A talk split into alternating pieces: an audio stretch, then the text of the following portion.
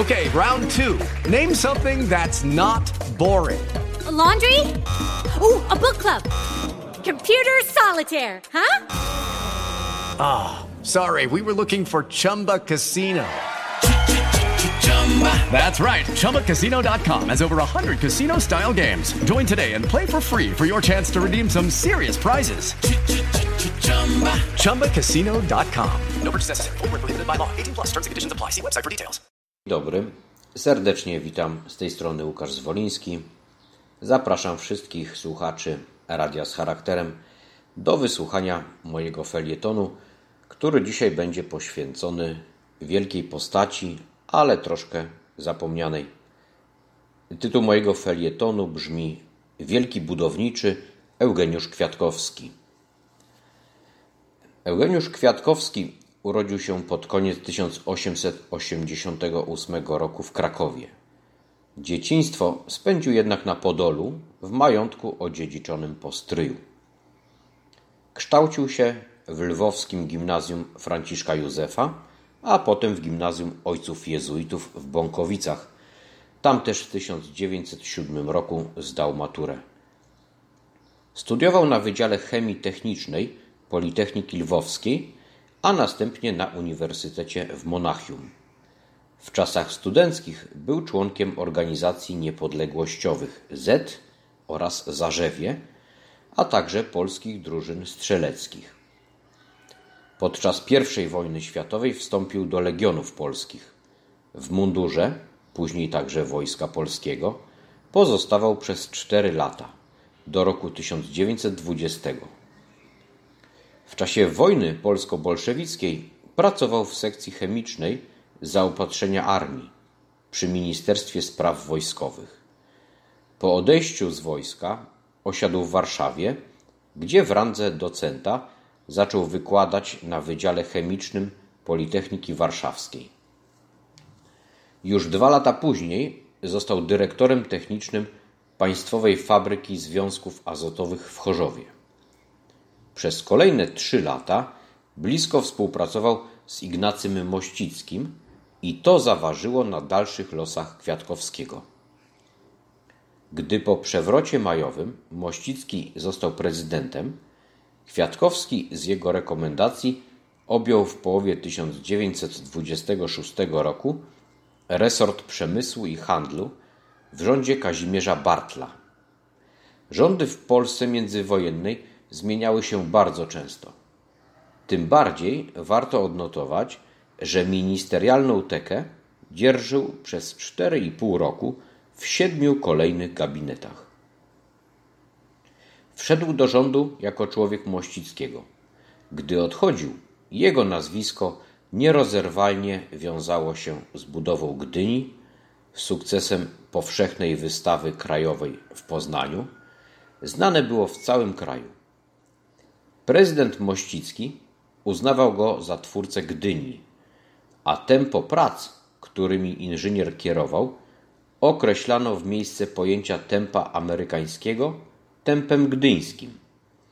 Dosadnie wyraził się o Kwiatkowskim marszałek Piłsudski podczas jednego z posiedzeń Rady Ministrów.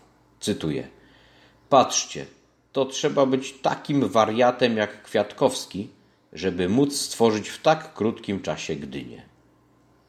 Uznanie godne marszałka.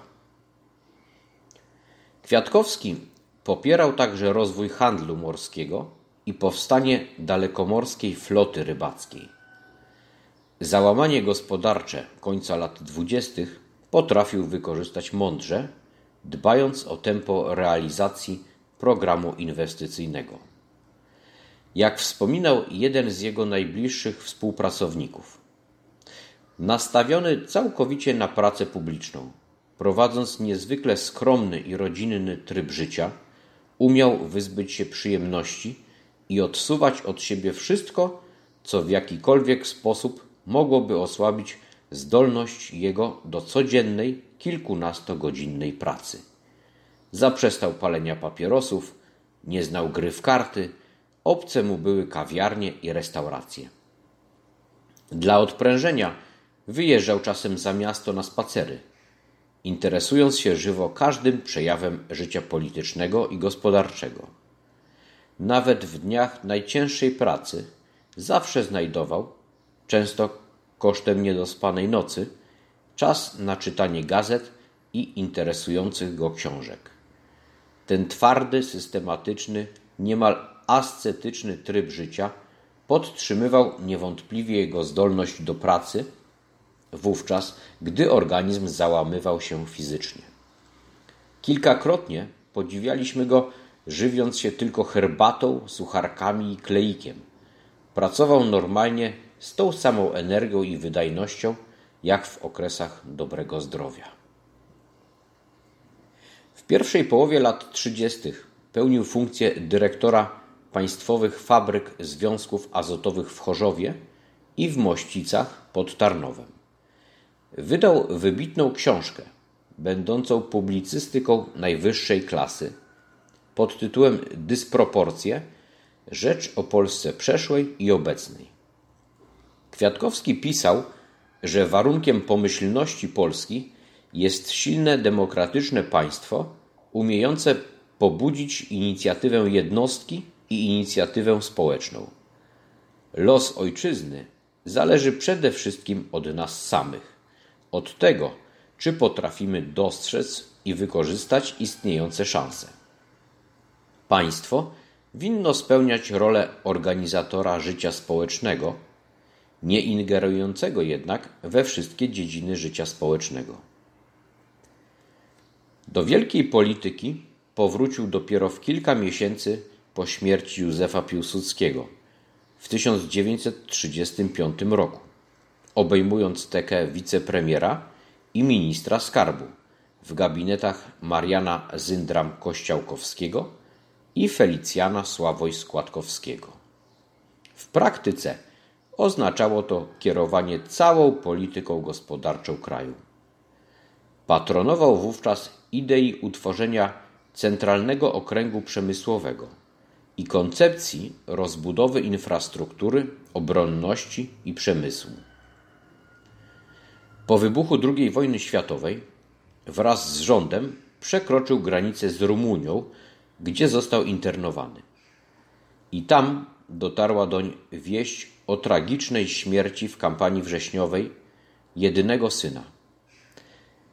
Była to tragedia tym większa, że zginął on przez pomyłkę od kul polskich żołnierzy. Po zakończeniu wojny Kwiatkowski uległ namowom Jerzego Borejszy i powrócił do kraju.